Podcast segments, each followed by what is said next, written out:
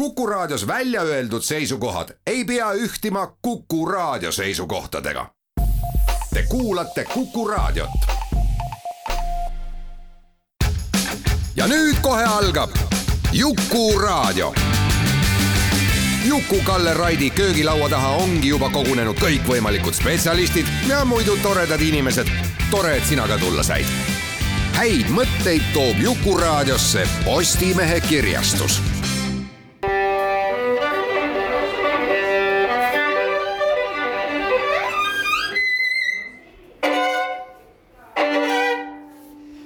Laku panni. tere, hea Jukuraadio kuulaja, ilusat neljapäeva õhtut kõikidele. on äh, käsil meil kolmesaja üheksakümne kaheksas köögilaud.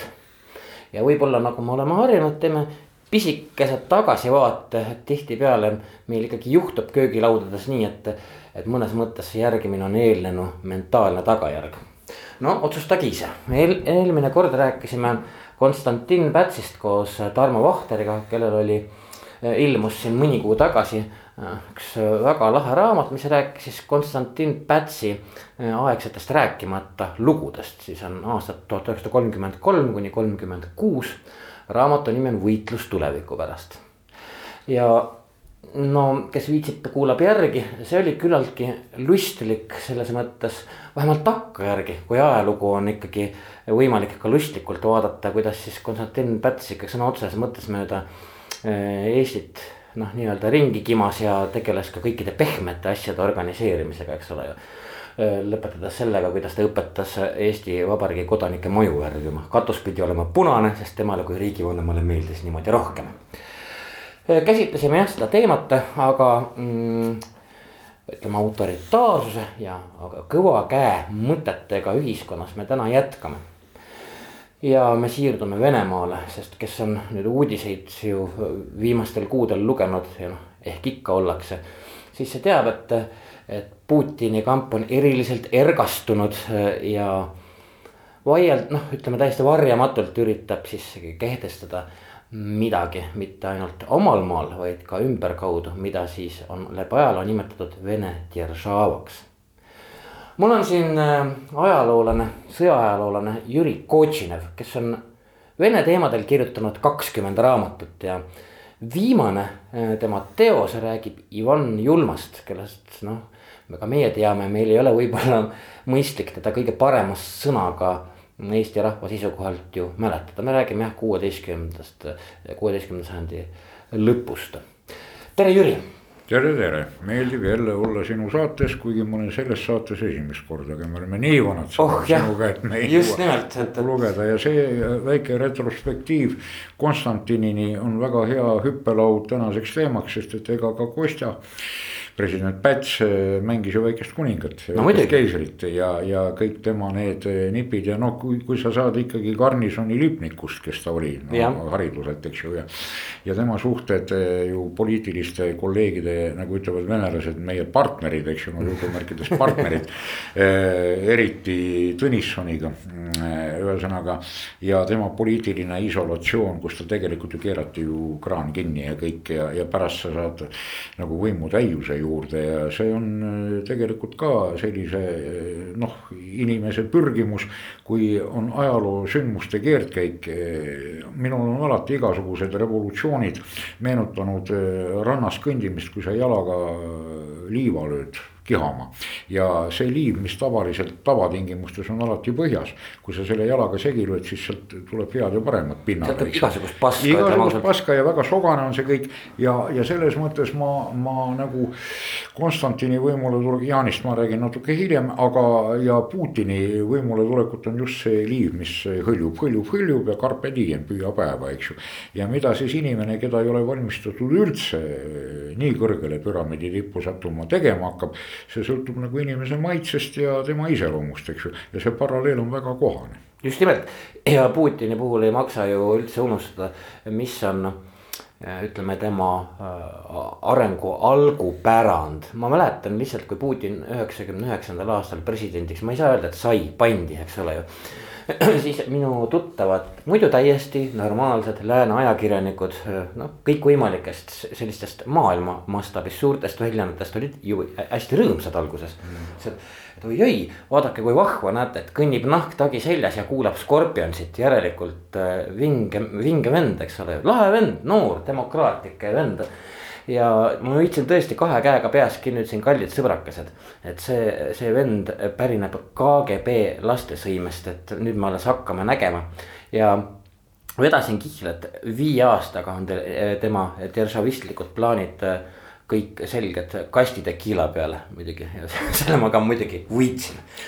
Nii et selles mõttes Putin tegelikult ei ole Vene ajaloos, kui me nüüd hakkame siin sukelduma selle Deržava mõiste juurde ju mitte midagi uut see on äh, küllaltki ette käidud rada ja, ja äh, tuleb kohe ära märkida, et äh, Venemaa mm, ütleme viimase sajandi, eelviimase sajandi ajalugu on olnud suhted läänega nagu pendel see, kes tõmbub lääne poole, siis järgmine valitseja tõmbub otse vastupidi. ja, ja noh, Aleksander Teine, eks ju, reformid, mida lääs meist mõtleb, eks ju.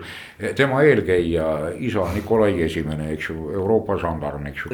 nüüd peale Aleksander Teise reforme, mis ta ka hauda viisid, see kuues ja kohe järgmine paariminutise vaega seitsmes mõrvakatse, mis õnnestusid, eks ju. ja e, peale seda tuleb poeg, eks ju, Aleksander Kolmas, kes hakkab, no selge see, et kõiki kruvisid kinni keerama, mis läänest me räägime, eks ju.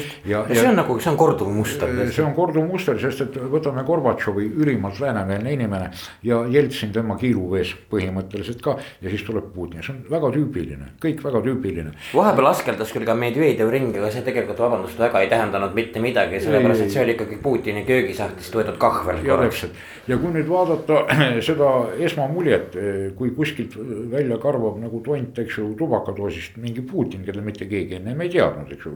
ei suures poliitikas, ei väikses poliitikas, Matvijenkot me teadsime, noh, Leningradi komsomoli suurjuhti, kes ka praegu pole väikesel kohal Valentina Stakkan nagu öeldi, sest oskas juua viina. klaasikaupa. klaasi, klaasikaupa ja, mis räägib ainult tema kasuks, kui mm. vene naine ei oska niimoodi juua, siis ta pole mingi korralik vene naine. nii, aga ka mul ei olnud illusioone, sest nagu ma nägin seda nägu, vabandage väga, ja kõnnakut. see pole mitte judoka kõnnak, see on ikka sihukese kaagi ja paadialuse kõnnak, eks ju.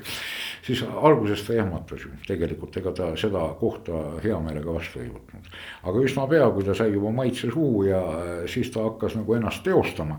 ja sealt see idee, et kui mm, Stalin on Vene ajaloos ikkagi ülimalt positiivne ta on ju noh, jumal hoidku, ta laiendas ju sisuliselt Vene impeeriumi. just, just, aga sest, see, see on nende kõikide märg unistus. Lenin, see on väga paha, sest et ta äris maha Baltikumi, Poola andis ära, Soome andis ära, ehk siis Poola äh, kuningriigi, äh, tsaaririigi ja, ja peale Poola jagamiseks ju Katariina ajal.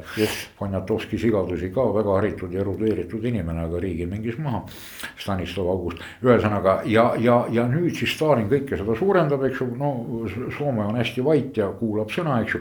ja aga enne seda, mida teeb Lenin, eks ju, ta annab Baltikum ära saakslastele, eks ju, Mirbachi rahu. noh, Mirbachiga, väga paha, see on väga paha. ja, ja. ja sellepärast see austus ja see tohutu ülistamine ja Stalin on suur ja vot Putin tahab saada sinna ritta ka enda nime.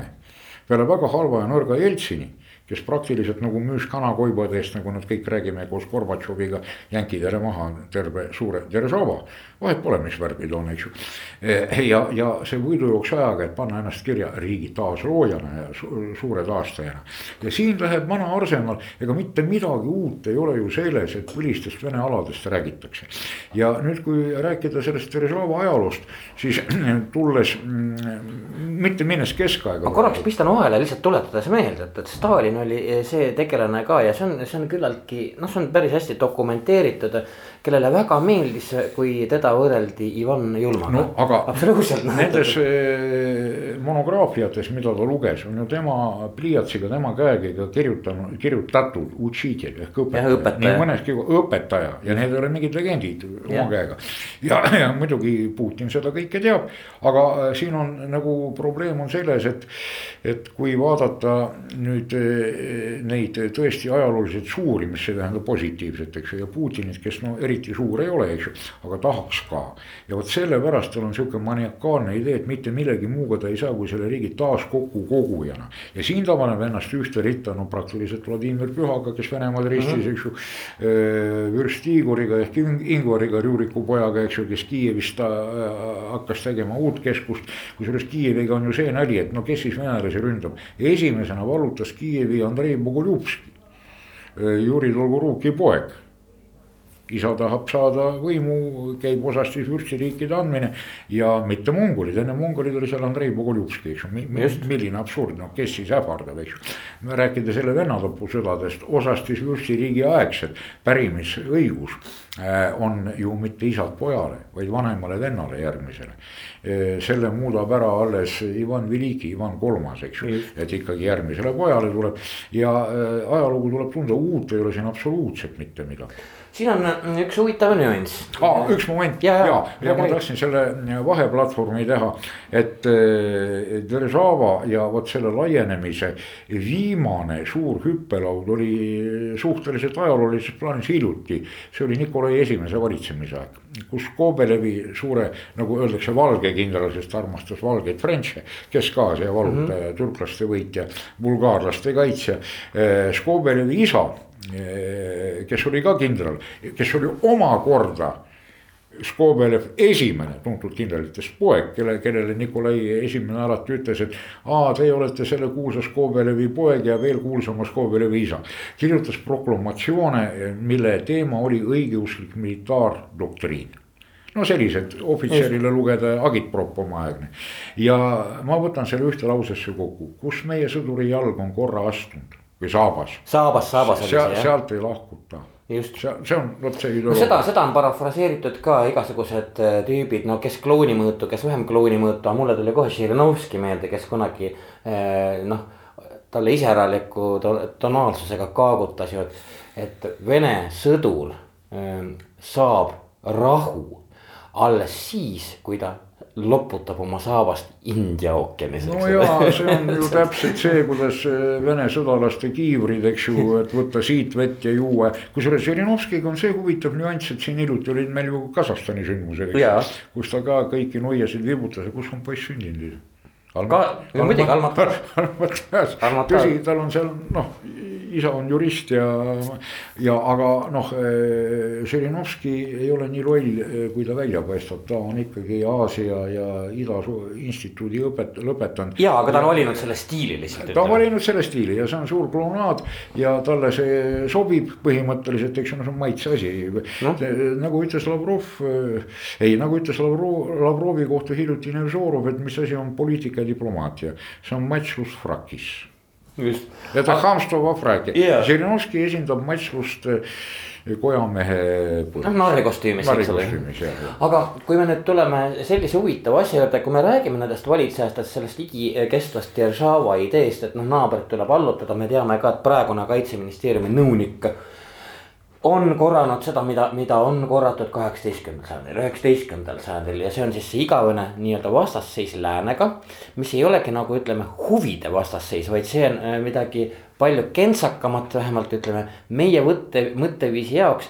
ja see on ikkagi see, et lääs on vaenlane sellepärast lääs tahab Venemaad hävitada, aga Venemaa jälle on ju loodud ometigi selleks, et päästa kogu. planeet. planeet, muidugi planeet, planeet.. kolmas Rooma, kusjuures jällegi kolmas Rooma, eks ju, kui seatakse sisse patriarhi tool ja amet seda tehakse mitte Kodunovi ajal, nagu paljud on ekslikult väitnud, vaid siiski. no valitses muidugi Kodunov, aga ametlikult oli tsaariks ikkagi Jaan Neljanda poeg Fjodor Ivanitš. just, see, see me räägime nüüd peale Ivan julma Venemaad tabanud segadust ja, ja hiljem just tema ajal veel paar viimast aastat, kui valitseb väga usklik ja väga mõistlik ja arukas Fjodor Ivanitš, kes tahab isa patte nagu noh, kuidagigi hüvitada, valitseb tegelikult muidugi Kodunov, aga kes on Kodunov, ta on ju Tatari Mursa. kuidas ta sai eh, tippu, aga ta väikses episoodis mm, päästis konkreetselt eh, Maljutas Kuratovi elu. kui oli vaja üks vandenõu paljastada ja ta julges mõõgaga seista kõrval nii, Šuiski ei julgenud mm -hmm., Šuiskitest, Šuiskeid oli palju. Šuiski põgenes, aga tema julges ja siis äh, ütleb Maljuta äh, tegelikult Grigori Lukjanovitš Skuratov-Belski aga kust tuli Maljuta, Maljutja. see on palvetame. Maljutja, ma palun sind yeah,. Maljuta, nii. ja Skuratov toob ta siis Jaani juurde ja esimene kohtumine algab, aga loomulikult ta mängis Bogdan Belskiga malet. ja Belski nagu alati noh, käis alla. Aga tõeline sportlane, no hammustab ju läbi, eks ju, nagu Beeriaga mängida piljardit. ja, ja, ja katsu sa, katsu sa, katsu sa võita, nii, aga noh vaata. No, no noormees ja see, ta ei mängi ise, ta ei puuduta malendit, aga ta ütleb Jaanile ette käigud mm. -hmm. et ta teeb sinuga nii, nii, nii neli käiku ette, nii. ja noh, Kudunov ühesõnaga, aga miks ma räägin Kudunovist nii pikalt, tatarlane ja patriarhi troon sisse ja kolmas Rooma, see on Kudunovi projekt okei okay., ja nüüd oot-oot-oot, aga nende suurim äh, ajaloolane Katariina tellib ju, no mis varjaagid, no meie omad poisid, varjaagid olid ka ju tegelikult meie poisid no,, Eesti viikingid ja, aga need on ka ju meie inimesed, kõik mm, soomuurilased. no peale Moskva riiki, eks ju. evangelitaat, eks ju, äh, see Kesk-Venemaad on ju assimileerunud ju soome-ugri, no lõpuks mm -hmm. Moskva ehk Moksa, eks ju, nii. ja, ja, ja aga äh, tellitakse, ei Schumacher ei kõlba meile, aga vot Karamzin, nii, aga kes ta on, ta on ju ka tatarlane, et isegi see ajalugu on laenatud ju tegelikult väljamaalastelt rääkimata sellest, et kes oli Katariina. sakslanna. sakslanna, puhas sakslanna. Aleksander Kolmas, Vene kehastus, kelle pealt maaliti ju seda Ilja Muromits, kolm vägivast keskel istub, eks ju. nii, ja, ja Saksa verd null koma, eks ju, nii, kõik on ju kokku laenatud tegelikult, aga see on meie ja see tõestabki ära, et kogu maailm võlgneb meile kõike. aga tegelikult implantaadina on toodud ju kõik sisse. huvitav kokteil ja nüüd rääkides Jaan Neljandast, kes olid tema insenerid, kes olid olid eh, tema tegelikult trükkarid, kust tuli paber, aga paber tuli Liivimaalt läbi Reevali, sest et Vene paber ei kõlvanud trükkida, ei kannatanud trükkida. kõik tehnoloogia, kõik on laenatud sealtpoolt, aga siin on selline vahe, et kuidas hakkas üldse Lääne ja Venemaa läbikäimine, no räägime seal mitte nendest äh, Afanassi Nikitini poollegendaarsest retkist yeah.. ta algab just Jaan Neljanda ajal mm -hmm. ja tema isa Vaska ehk nagu nad omavahel teda kutsusid Vassili kolmanda ajal, miks? sest Lääne-Euroopas valitseb olukord kus on tõstmas pead protentas, protestandid yeah.. kalvinism madalmaades, Jan Husi liikumine, nii. ja äh, loomulikult äh, Martin Luther yeah., eks ju, tuhat viissada seitseteist, nii. see on üks suur veskikivi, teine veskikivi, mis ähvardab, on tõusev äh, Osmanite impeerium ja islam kui selline. ja kahe veskikivi vahel lööb kõikuma Vatikani vaimlise jõu telg ehk püha linn Rooma Vatikan ise. ja nüüd vaadatakse, kuidas me saame hakkama protestantidega, tuleb nagu noh, Vändrast saelaulu ja pealetungiva Araabia ja Osmani, Osman, põhiliselt Osmani aga siin on ju kristlik riik. just, sellega tuleb, tuleb asju ajada. ja, ja kuna nad on kristlased, siis nagu me endale liitlasteks saame. no see on ju umbes sama, mis praegu Eesti loodab Ameerika Ühendriikidele. Venemaast endast ei tea keegi mitte midagi ja algab lähenemine Venemaale lääne poolt ja põhiline Vatikani poolt. ja teised Lääne-Euroopa monarhid vaatavad Inglismaa eriti mitte, no peale Henry kaheksandat neil on nagu oma kirik, eks ju, nii.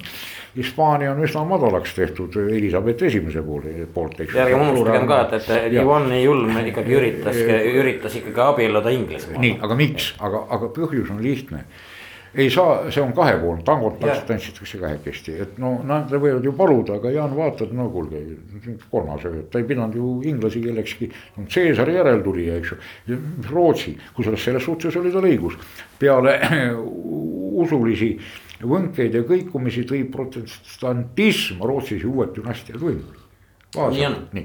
Ja, ja nüüd oot-oot-oot ja, ja, ja, ja tema tahab saada Inglismaalt, ega ta seda tüdrukut ei tahtnud Bierinihatšu enda oli.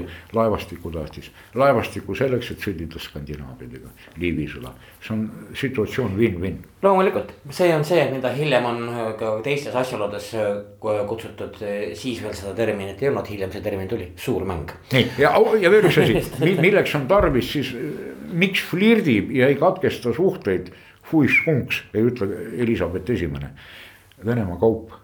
Moskvas olevad Inglise kaubanduskojad ja palatid.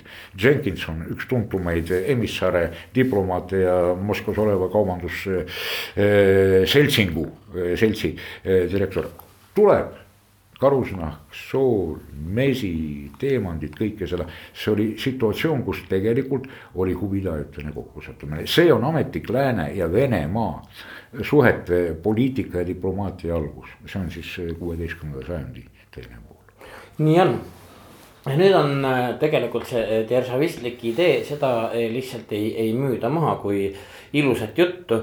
Äh, vaid see käib, ütleme hoopis teistmoodi ja teistel alustel ka.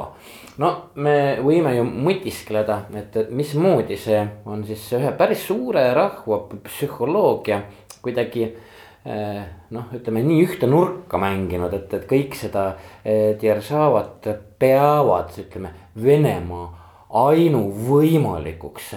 noh, ütleme Vene tsivilisatsiooni ainuvõimalikuks elamise äh, vormiks, et noh, sina oled ka Venemaal nagu minagi palju ringi sõitnud ja seda võib sulle rääkida, seda räägib sulle suvaline trammijuht joodik külapoe tagant või minister. et selle koha peal on, on nagu kõik samasugune ja see on ja see. ta räägib uhkusega. ta räägib uhkusega ja, ja. siira. ja siin me peame mõtlema ühe sihukese naljaka asja peale, et mida on tehtud ühe siis äh, rahvaga või ühte, ühte keelt kõneleva äh, kogukonnaga. Selles mõttes, et nad on loobunud siis, kuidas ma siis ütlen, ise mõtlemisest, vaid, vaid tunnustavad siis tingimusteta tsaari ja lepivad tingimuseta ka sellega, et kui me nüüd ikkagi sinna ajalukku läheme, et nende enda oma ei ole mitte miski. Nemad on tsaari pärisorjad ja lõppkokkuvõttes kõik vene pojaarid on tsaari pärisorjad, kes on siis tsaari käest saanud noh, hea teenistuse eest üht koma teist, ma ei tea, mingid maad, mis iganes pärisorjad, eks ju, endale. Ja tsaar võib ilma mitte mingit põhjendust esitamata need igal suvalisel hetkel uuesti ära võtta. nii et me teeme ühe pausi ja me tuleme selle psühholoogia ja selle loo juurde tagasi. et see aitab meil võib-olla äh, mõista näiteks tänast Putini käitumist, sest tõepoolest. et Venemaa ladvikkond, noh praegu ei ole porja, pojaarid ja vürstid, praegu on näiteks lihtsalt Putini ringkond, kildkond äh,. stiil on täpselt sama on tsaar ja siis on äh, orjad, kellele ei kuulu mitte midagi, vaid kõik on tsaari armust, kes omakorda valitseb jumala armust. aga Jüri Kotšineviga oleme siin ja muugime Vene deržavistlikku ja küllaltki ohtlikku mängu ka tänases maailmas lahti läbi ajaloo, sest et lõppkokkuvõttes ajalugu on hea peegel ja sinna maksab vaadata, nii et me oleme Jüri Kotšineviga paari hetke pärast tagasi ja jätkame.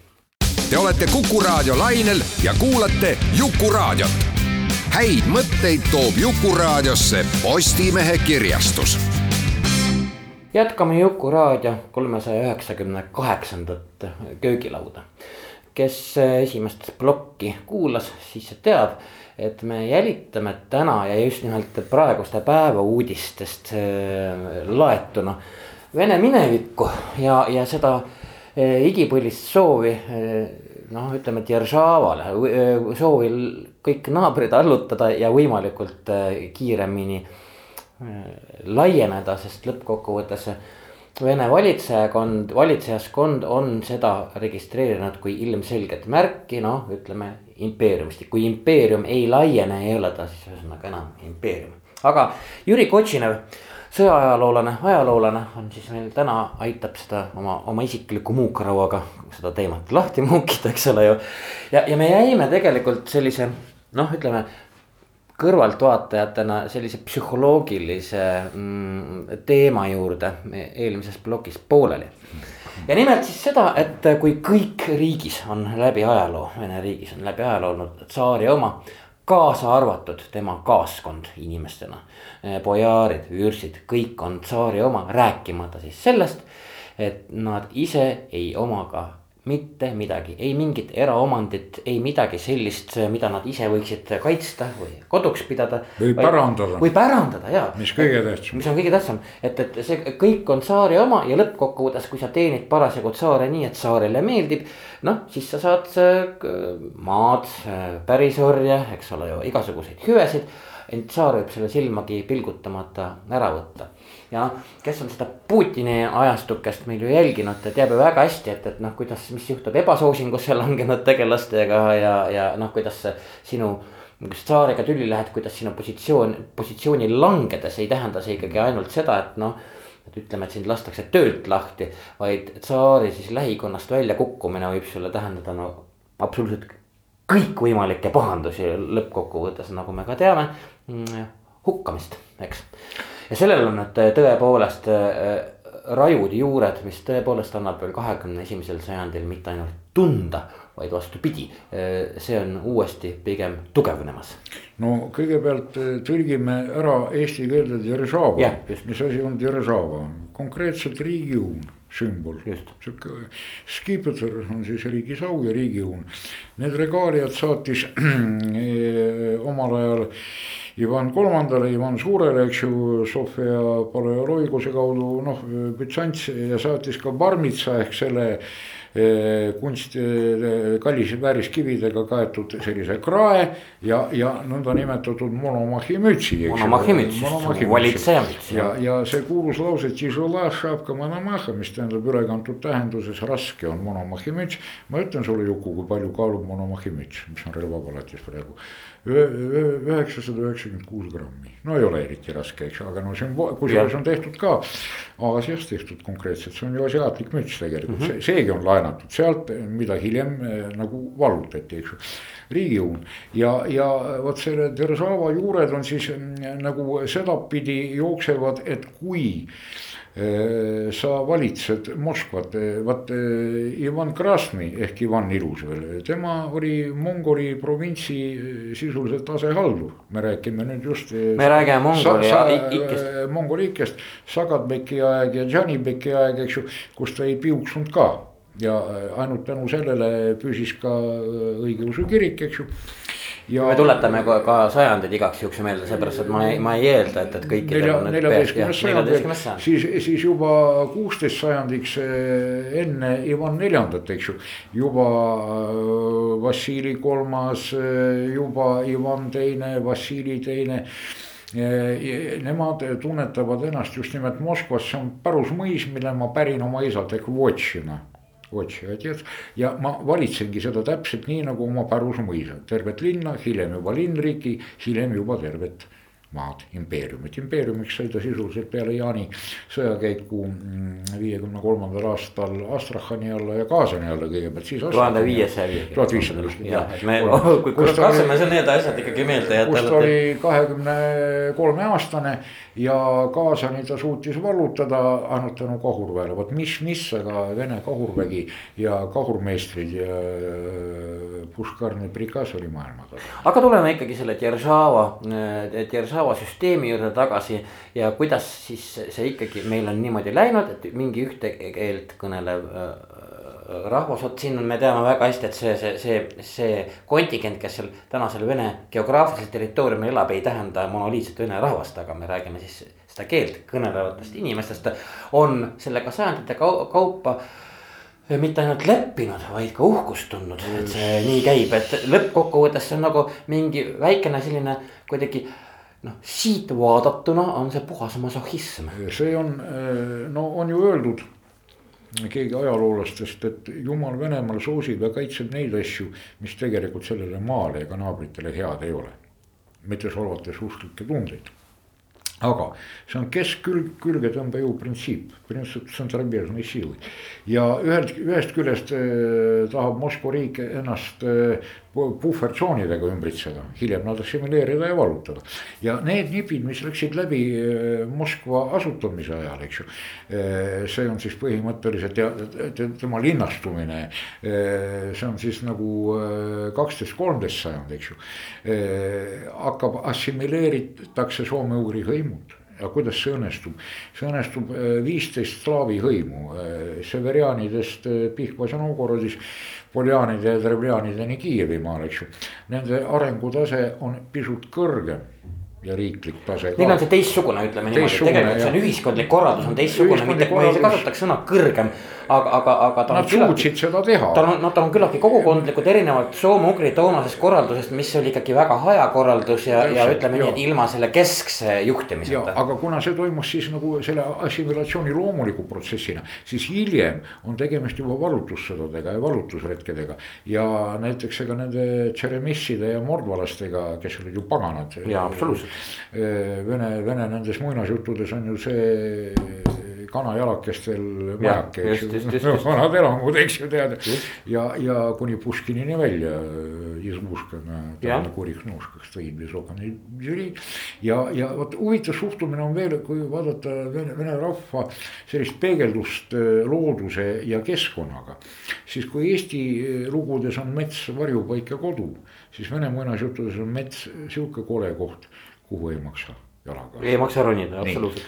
enne Peetrit oli ka meri selline, mida vene inimene ei tundnud ja ei tahtnudki tunda. no kui me heidame jälle, heidame jälle pilgu maailmakaardile ja kõik on küllaltki arusaadav. ja kui nüüd on sinul vaenulik keskkond meri nii, sest ega Peeter ju alustas laevastikku, aga sellest kaheksakümmend protsenti mädanes ära verfidel, nii. no ei saa teha ikkagi männipuust, männipuust võib masti teha, aga laeva ennast seda tuleb tammepuust teha, okei okay. ja, ja mets on vaenlane ja meri on vaenlane, mis siis on sõber? stepp loomulikult, eks ole, me teame. jääb üle stepp, eks ju, ja, ja vot sealt stepist kipšakid. Polovetsid, see on üks rahvus tegelikult eri nimedega, kuidas nimetada. sealt tuli ka igasugust head ja paremat, eks ju, ja vot sellepärast oli tarvis, miks rahu oli vaja, miks Moskva üldse kerkis esile, Moskva suurvürst Ivan Kalita, kes esimesena sellest linnast nagu kivilina tegi, sai aru, et kui sa kutsud enda juurde, aga ta oli ju hõredalt tasustatud. meistreid, teenistusmehi, bojaare, nad ei jää, kui sa ei suuda tagada neile kodurahu, et nad saaksid seal elada rahus. Venemaa kõige suurem oht olid röövlijõugud, viiekümnest kahe tuhandeni.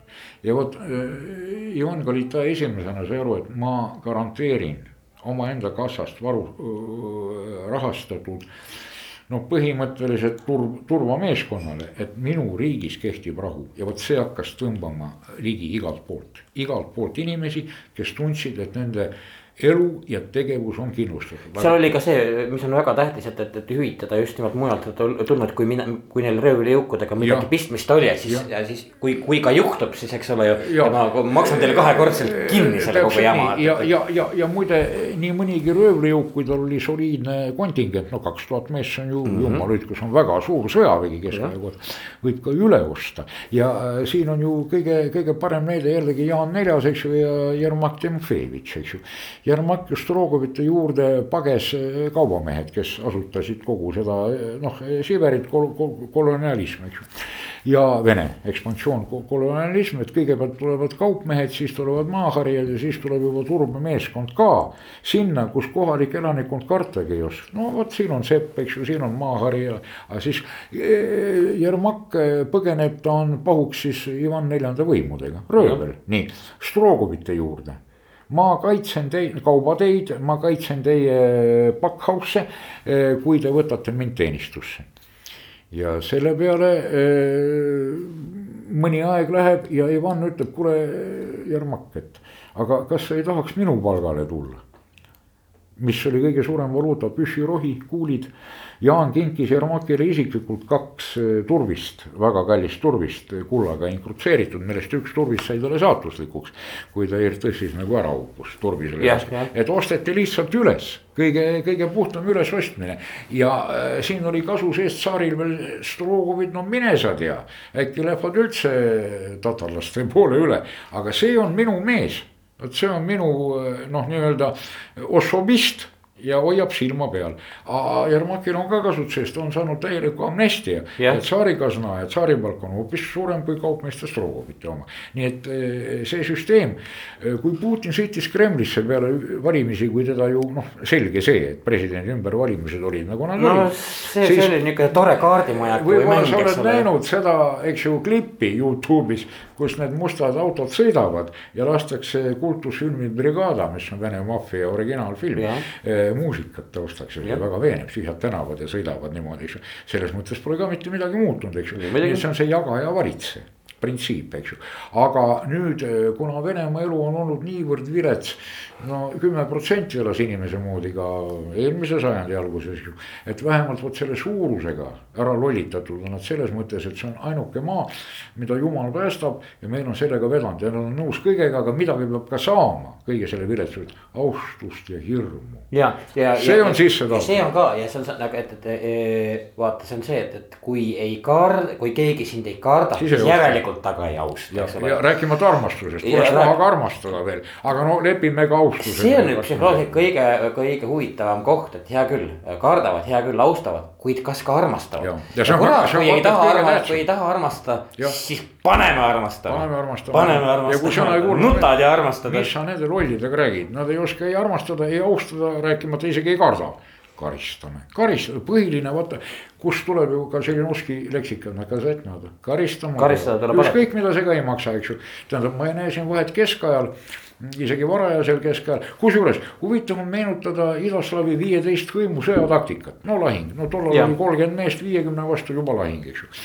metsast tuldi välja ja nähti vaenuväge, noh võib-olla leedukaid, võib-olla seal öö, liivlasi seal. Kõigepealt tehti. võib-olla üles tõusnud marisid Lä, ükskõik, ole. lärmi tehti, me räägime kaheksandast, seitsmendast sajandist, kui Leedut veel keegi ei teadnud, Leedu linnasid polnud, esimesed äh, märkmed Leedu linnade kohta on ikkagi kümnes, üheteistkümnes sajand. tohutult võimas rahvas, need kartsid Ordu, need kartis Poola. ja, aga ta- aga see on teine teema. Leedust me räägime see on teine teema ja, ja, ja kui selle lärmi peale vastane ei keera ringi ja ei põgene, siis minnakse peale täiega. ei kardeta mitte midagi, fataalne kui vastane hoiab rivi ja ei kavatsegi ära joosta, metsa tagasi, kõik. tüüpiline sõjataktika. no see on ju ka tegelikult seda rahvuspsühholoogiat, kui sa vaatad, eks ju, kui frankid võitsid araablased, eks ju just see rivikord ja värk ja, ja siin eh, see Vene jalaväe fatalism on jällegi eh, põimitud selle militaarsõjalise doktriiniga militaarsõjalise doktriiniga, et nagunii on nad kõik ju barbarid ja basurmanid ehk eh, noh, muulased, metslased. aga meid päästab jumal anyway ja tsaar on meie eest palvetaja vot sellepärast anti tsaaridele ju kõik andeks. aristokraatia andis andeks sellepärast, et eh, tsaari mõisas oled sa ainult teenija, ta võib sind minema ajada. aga rahvas sellepärast, et ainult tsaari palvelu tuleb jumal kuulda, igaüks võib ju muidugi ja see, palvetada. see on ka huvitav jah, et. Ja see on psühholoogiliselt nii kõige, sisse kõige lihtsam inimene arvas, et, et tsaar on hea, ametnikud on sita peal ja, ja see täpselt. kestab ju praegu ja, ja, ja tihti oli neil õigus, ainult mitte Jaan Neljanda puhul ja Jah. lihtsalt kasutas seda. ja millest ilmneb veel Jaani geniaalsus, vot just see manipulatsioon, poliitik, PR, eks ju. ta ju kirjutas iseendale Ivaska nime all kirju mm, -hmm. kirjutas ise ja, ja siis rahvas tahab Ivaška, Ivaška Pirisvet, Pirisvet kusjuures on ju seesamane legendaarne munk, keda kunagi olemas ei olnud, eks ju, meile Sergei Radoneski koos Oslevaga andis kaasa Dmitri Donskoile ja kuulus duell Pirisvet ja Tšerubei, eks ju, seda duelli ei olnud. Aga, aga vot see Ivaška Pirisvet ka veel. Ja neid kirju ta saatis massiliselt enne just neid üldkogusid, Zimmelnis sabor. ja, ja ta oskas välja mängida, et rahvas palub ja mina kuulan rahvast nii, ja kirjutas ta hästi oma aja kohta ja, ja tark ta on ja jumal võtab teda kuulda. ta ju kolm-neli korda pani, kui Devletki Rei Moskva jälle pani Aleksandrovski Slobodasse minema. rahvas tuleb ja tõesti palub tulla palun- tagasi. muidu on meiega kõik, jumal pöördub meist ära.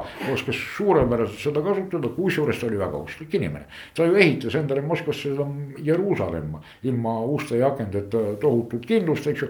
et seal on kõik päästetud, vot tuleb maa peal. nojah, ta ütleme usklik psühhopaat ka, sest eks tal oli. ja sest ta ühe käega võib Iguumeni tappa või sellesama Filga ehk Philipp ristinimiga Philipp Koltšovi Moskva metropoliidi, kui ta ta maha Jah, võttis jah. laseb Marjutal tappa ja, ja kusjuures Marjuta ju palub, mul on poisil jalg haige, palveta mu eest no, enne seda, kui kägistada metropoliiti endist, palub, et aga ma annan sulle natuke aega, palun mu poja eest. Või tütre eest, ma ei mäleta ja, ja, ja, ja vot see kõik mahub nende pähe. see kõik mahub eh, niimoodi ka pähe, et kui me nüüd hüppame korraks kahekümnendasse sajandisse, siis ehe näide jah, et, et kuidas Stalin, miks Stalin siis Ivan Julma oma õpetajaks pidas, tuleb ju meelde. just kõige, need võtted. ja, ja just võtted. aga mis on seal kõige tähtsam? kõige lihtsam asi veel tuleb meelde, et kuulge, et vabandage väga, et kui äh, nii-öelda Stalini bojaaride hulgas on näiteks Molotov. kõik on tore, tantsib õhtul Nikita Hruštšoviga, viskavad nalja, joovad veini, söövad kurat hommikul kella neljani mingit Gruusia värki, eks ole ju samal ajal istub Molotovi naine vanglas. istub Kõik vanglas on... istub Molotovi naine vanglas, Kalinini naine Just. vanglas, eks ju. Eh, kelle naine üldse vanglas ei istunud ja vot kui nad kolmekesti kohtusid jalgpalliloožis mm, -hmm. vaatavad matši.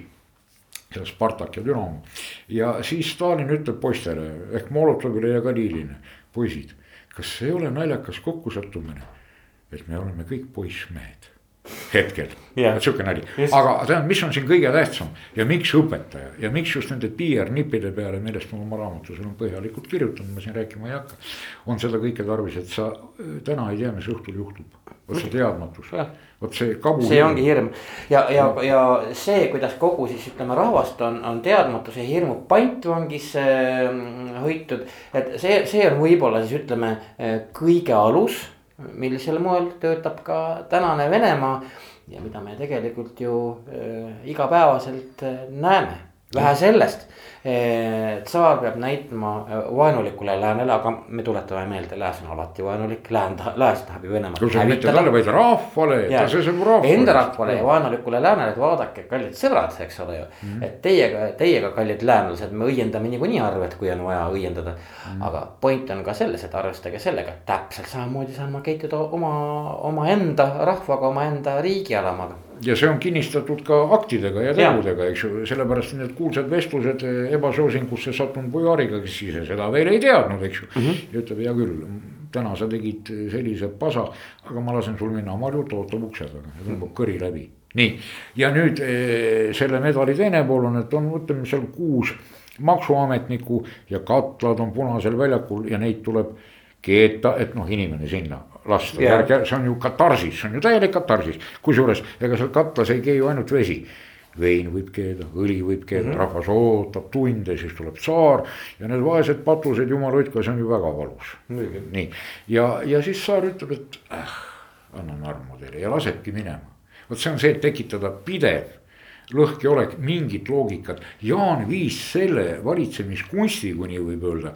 no Caligulat ta, ta ju ladina keelt valdas, kreeka keelt valdas, inglise keelt, oli erudeeritud inimene. ja oli küll. ta oli kursis, ta, ta viis selle täiuslikkuseni, täiuslikkuseni. ja sellest täiuslikkusest tänane Venemaa õpib ja mis kõige toredam, et, et me ikkagi äh, noh, ütleme paljud ajaloolased on ju täheldanud ühte asja, selle Venemaa ja Vene valitsejaskonna käitumise äh, kohta on see ja mis kehtib ka täna, tänasel päeval, et lõppkokkuvõttes kõige äh, parem äh, relv on seadusetus, vaadake, et kui meil on mingid reeglid. siis sa tead, kui sa või mingid seadused, kui sa nende järgi teed, oled sa okei okay., kui sa nende järgi ei tee, no nii, siis on tore, siis tuleb kohus ja, ja mõistab sind süüdi näiteks, eks ole ju. kogukond saab aru, mille eest sa said sellega, kui sa oled ikkagi õudne tõbras, siis Venemaal see nii ei pruugi olla. vaatame, mida teeb Stalin, eks ole ju. Ehm, noh, ma ei tea, võtame mingid kunstnikud, kes arvavad, et joonistan tuhat Lenini pilti, eks ole ju. ja selle eest olen ma kaitstud, ei midagi, läheb istub Siberis nagu Mikki Hiir ja teine tüüp, kes seda ei tee, ei pruugi istuda, mis siis tähendab seda et kui seadus ja õigus ei kehti, siis sa ei tea mitte kunagi, kuidas käituda õigesti, et ellu jääda. selle asja nimi ongi siis nii, nii-öelda siis see seadusetus. ja tsaar eh, võib iga seadusest üle, ta ei tea ka muutma seda, ta lihtsalt otsustab ja, ja Duma, tsar решил, Duma prigovarjuga. no ühesõnaga, aga, aga see kollektiivne, no üldse tuuma, see on ju tsirkus ja kino, aga milleks teda üldse on vaja näiteks Jaan Neljandal, et on ta legitiimsuse pilt. legitiimsuse pilt. meil on tänane Vene riigituumaga on ju täpselt sama asi, nad justkui istuvad seal, eks ole. justkui istuvad ja justkui toimetavad ja. ja, ja nad ju räägivad, et Venemaa on ikkagi demokraatlik õigusriik tõsi, see demokraatia on iseäralik, sest et Venemaal on kõik iseäralik ja iseäraline, aga ta on ikkagi põhimõtteliselt Jaan demokraatia. üritas korda majja lüüa noorest põlvest tõsimeeli. Opritšnina on ju selleks, et teenistusaadel saaks teostada, puhastada riiki ja alustada puhtalt lehelt. aga kui ta nägi, kelle tal sinna kokku, no see kontingent oli nagu ta oli, et ta võttis ju dominiiklastelt selle põhikirja ja kõike, et nende idiootidega ei saa. Need ei jaga üldse mitte midagi, tahavad ainult röövida ja varastada mm, -hmm. vägistada ja tappa, aga ta ei saanud kohe öelda, et poisid eksisin üsna pea no, pettus sellest. tsaar, tsaar ei, ei ja ta ei öelnudki kunagi. ta ei öelnudki kunagi, Oprišina ta lasi laiali ka. ta lasi laiali ka. Oprišina juhtide saatus oli, ainult Maljudal vedas ta Paide all, langes lahingus nii-öelda ausa mehe surma. aga teiste saatus oli ju väga kurb ja kuidas võtta eh,, kuidas need tõmmata liistule, nii et rahvas saaks aru, et no tuts on voog viljal, aga nad eh, tahavad mind mürgitada Nad tegelevad äh, posimisega ja küll ka neid äh, tõendeid topiti neile sinna taskutesse. aga nipid on ju, armu andmine tähendas Jaani ajal ju seda, et sul lõigatakse kõri läbi, et sa ei pea piinlema, saar annab armu sest et see oli sihukene vitt, vett ja viletsaid. aga äh, printsiibid ja printsiibid on valmis kujul ja nüüd võtame, mis eristab nagu Stalinit praegusest Putinist ja eelnevast ajast, nii.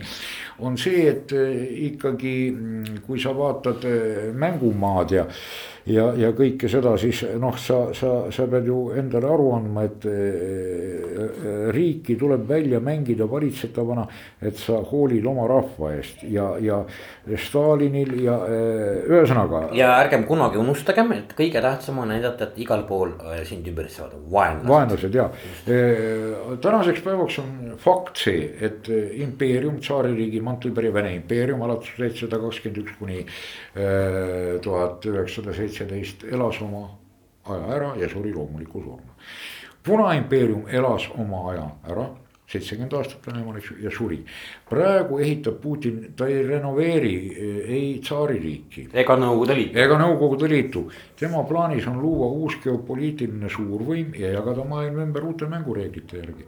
kus kõige tähtsamaks saab, mis asi, informatsiooni haldamine ja valdamine ja eh, riiklikust sada protsenti sõltuv erakapital, mis sisuliselt on sulle antud ka ajutiseks kasutamiseks. täpselt nii, sellepärast et see võidakse alati ära võtta. sa oled ühel hetkel ärkad hommikul üles, seal see välisagent ja ongi sluss. täpselt, ta vaatab tulevikku ja tulevik on uus geopoliitiline jõud, mille nimi on noh, jah, Venemaa, on ta siis föderatsioon või mitte. aga Vene föderatsioon võib olla ju mitte kuuendik planeeti nagu Nõukogude, see võib olla terve planeet ja vot see seal perifeerias, aga need on täiesti uus olukord nii poliitiline kui geopoliitiline, mille ta ehitamas on. ja, ja, ja see on loomulikult on, see on täiesti hullumeelne, kui me võtame küllaltki noh, ütleme küllaltki rahumeelsest läänest vaadates on täiesti hullumeelne asi ja ma ei tea, kuidas sinul, minul on igal juhul hirm tegelikult, ma ei tea, kuidas sinuga. no vaata, asi on selles, et eh, karta, ma, ma ei karda seda, et ta julgeb alustada sõda, ta on teise koolitusega ja iseloomuga inimene.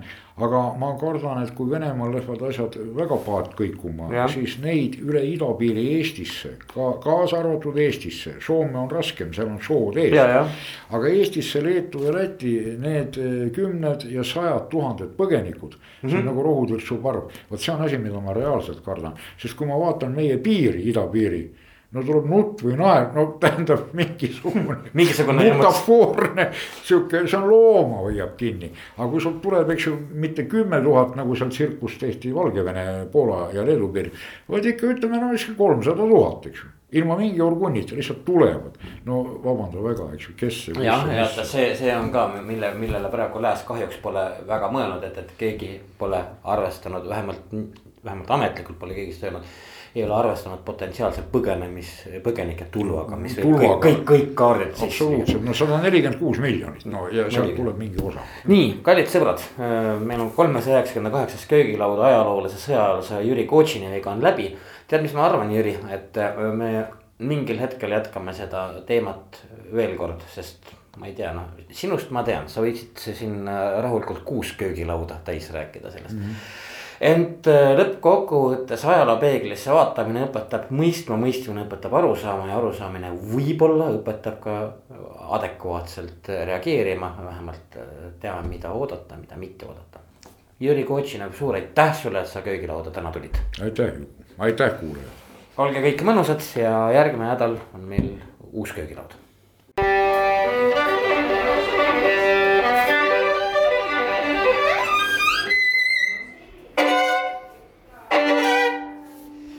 lakupanni. häid mõtteid toob Jukuraadiosse Postimehe kirjastus